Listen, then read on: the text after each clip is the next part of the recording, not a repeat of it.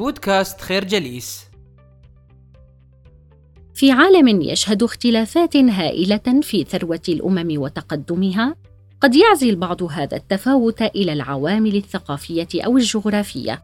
ومن هنا يشير هؤلاء إلى أن الأمم الفاشلة تكون بسبب عدم وعي أفرادها أو نقص المعرفة اللازمة للتقدم.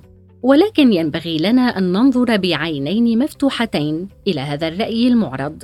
حيث يجب أن ندرك أن الأفراد ليسوا مسؤولين عن الفقر الذي يحيط بهم بل إنه نتاج الظروف الاقتصادية والسياسية التي يعيشون فيها وهذه الظروف في جوهرها تعكس صحة المؤسسات التي تحكم هذه الأمم. من خلال استعراض مؤشرات الاقتصاد والتنمية حول العالم يظهر لنا أن الثراء ليس مجرد طائر يطير بين الأمم بشكل عشوائي بل هو ثمرة تنظيم اقتصادي وسياسي مدروس بعناية. فالأمم التي تشهد تقدما حقيقيا وازدهارا مستداما تتسم بوجود مؤسسات قوية وشاملة. تضمن الحقوق والحريات وتعزز الابتكار والاستثمار. تلك المؤسسات القوية تعطي الفرصة للأفراد للمشاركة في الاقتصاد والاستفادة من ثمار التقدم والازدهار. في المقابل تبرز الأمم المحرومة والفاشلة بوجود مؤسسات استخلاصية تقوم على التجريف والقمع والاستغلال. يتعرض أفراد تلك الأمم للحرمان والفقر والتهميش حيث يجدون أنفسهم مقهورين تحت وطأة نظام يعطي الأقلية الحاكمة الأولوية ويحجب الفرص عن الجميع. هذه المؤسسات الاستخلاصية تعزز التوترات وتثير الانقسامات الاجتماعية مما يعيق التعاون والتنمية ويؤدي إلى دوامة من الفشل والفقر. بالتالي يجب أن ندرك أن الاختلاف في ثروة الأمم وتقدمها ليس بسبب الثقافة أو الجغرافيا وحدها بل يعود إلى نوعية المؤسسات التي تحكمها. إن تكوين مؤسسات قوية وشاملة يتطلب جهودا سياسية حثيثة لتحقيق التغيير. حيث يجب أن تتبنى الأمم سياسات تهدف إلى تعزيز الحقوق والحريات وتشجيع الابتكار والاستثمار. إن تحقيق التقدم والازدهار ليس مهمة سهلة ولكنها ليست مستحيلة وإنها تستحق النضال والتضحية لتحقيق مستقبل أفضل للأمم وسكانها. الفكرة المؤسسات الاقتصادية والسياسية هي المحرك الأساسي للتقدم أو الفشل في الأمم. في رحلتنا لفهم أسباب نجاح أو فشل الأمم نجد أن المؤسسات الاقتصادية والسياسية الشاملة تلعب دورا حاسما في تشكيل مصير الأمم. تعتبر هذه المؤسسات الشاملة بمثابة العمود الفقري للتنمية الاقتصادية والاجتماعية المستدامة. فهي توفر الإطار الذي يضمن حقوق الملكية والحريات الشخصية والفرص المتساوية لجميع أفراد المجتمع.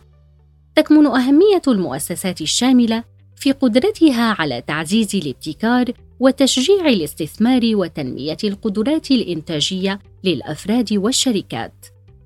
فعندما يكون هناك نظام اقتصادي يعترف بحقوق الملكية ويحميها فإنه يوفر الحوافز اللازمة للأفراد والشركات للاستثمار وتطوير المشاريع الاقتصادية وبوجود مؤسسات سياسية تضمن حرية التعبير ومشاركة المواطنين في صناعة القرار يتم تعزيز التفاعل الاجتماعي وتنمية المهارات والابتكارات التي تعزز النمو الاقتصادي.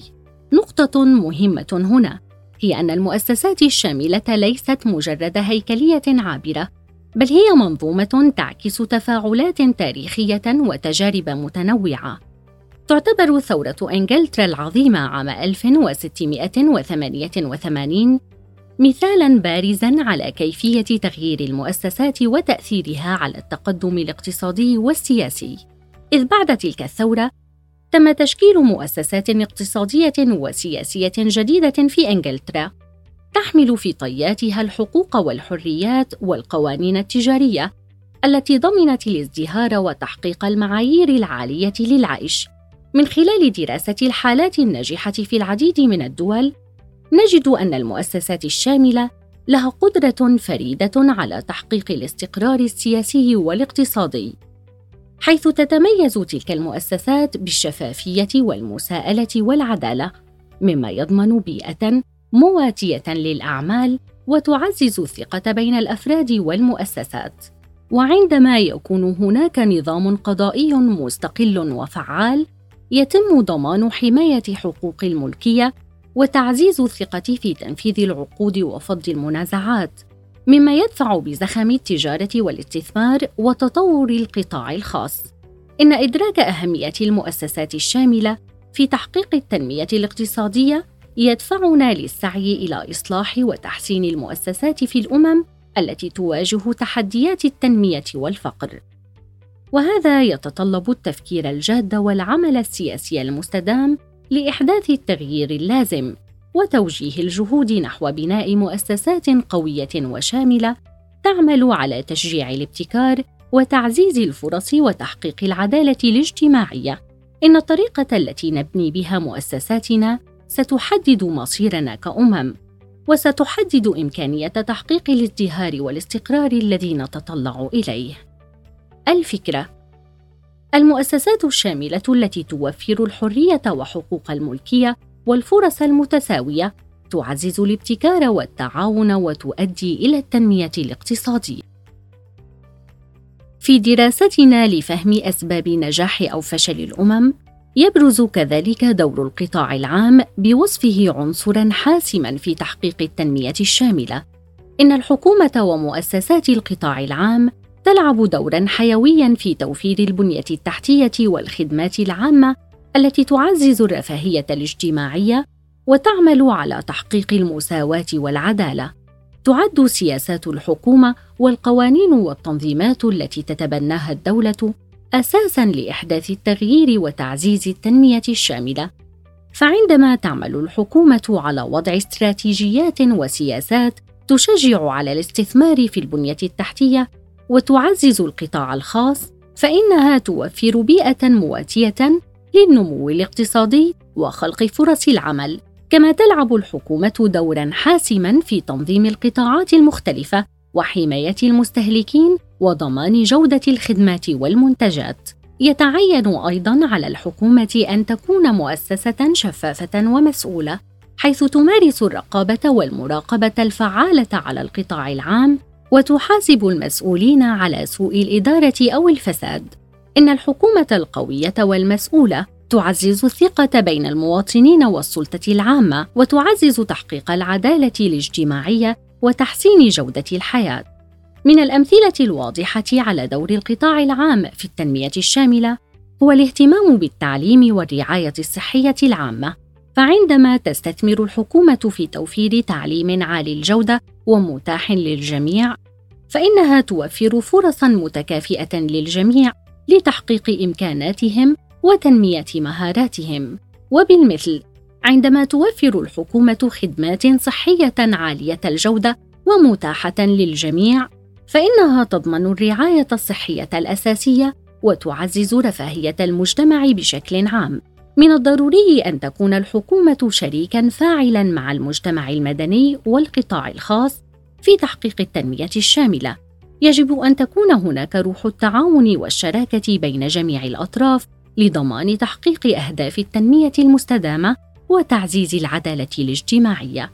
لذلك يجب أن ندرك أهمية دور القطاع العام في تحقيق التنمية الشاملة والمستدامة. إن بناء مؤسسات حكومية قوية وفاعلة تعمل على توفير البنية التحتية اللازمة وتعزيز الخدمات العامة يساهم بشكل كبير في خلق بيئة تساهم في ازدهار الأمم وسعادة سكانها. الفكرة القطاع العام له دور حيوي ومهم في التنمية الشاملة. تكوين المؤسسات في الدول يعتمد على التفاعلات التاريخية والسياسية التي تشكل ملامح النظام السياسي والاجتماعي. إن تاريخ الأمم وتجربتها السياسية تلعب دورا حاسما في تشكيل هذه المؤسسات وتوجيهها نحو تحقيق التقدم والعدالة في المجتمع.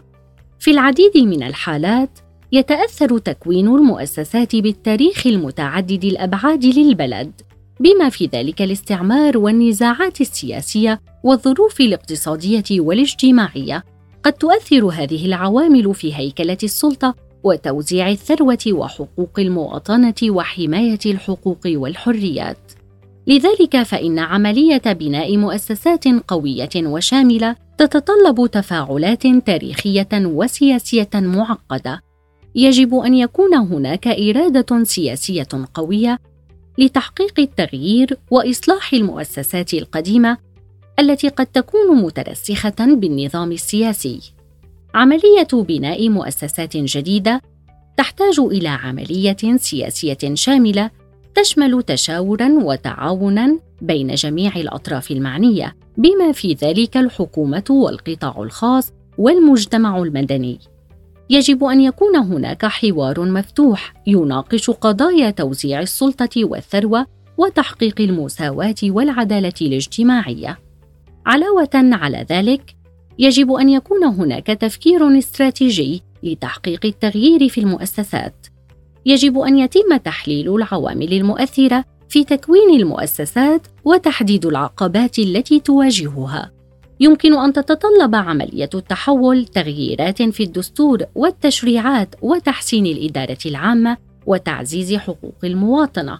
بالإضافة إلى ذلك يجب أن يشارك المواطنون بنشاط في عملية صنع القرار وتشكيل المؤسسات. يمكن أن يكون للمجتمع المدني دور هام في الضغط على الحكومة لتحقيق الإصلاحات والتغييرات اللازمة. في النهاية يعتبر تكوين المؤسسات وتحقيق التقدم والعدالة في المجتمع عملية معقدة وتستلزم العديد من الجهود والتفاعلات التاريخية والسياسية. يجب أن تكون هناك إرادة قوية وشاملة لتحقيق التغيير وتعزيز الحكم الرشيد والمؤسسات القوية التي تعمل من أجل مصلحة المجتمع بأكمله. الفكرة تكوين المؤسسات يعتمد على التفاعلات التاريخية والسياسية ويتطلب عملية سياسية شاملة لتحقيق التقدم والعدالة في المجتمع. نشكركم على حسن استماعكم. تابعونا على مواقع التواصل الاجتماعي لخير جليس. كما يسرنا الاستماع لآرائكم واقتراحاتكم. ونسعد باشتراككم في البودكاست.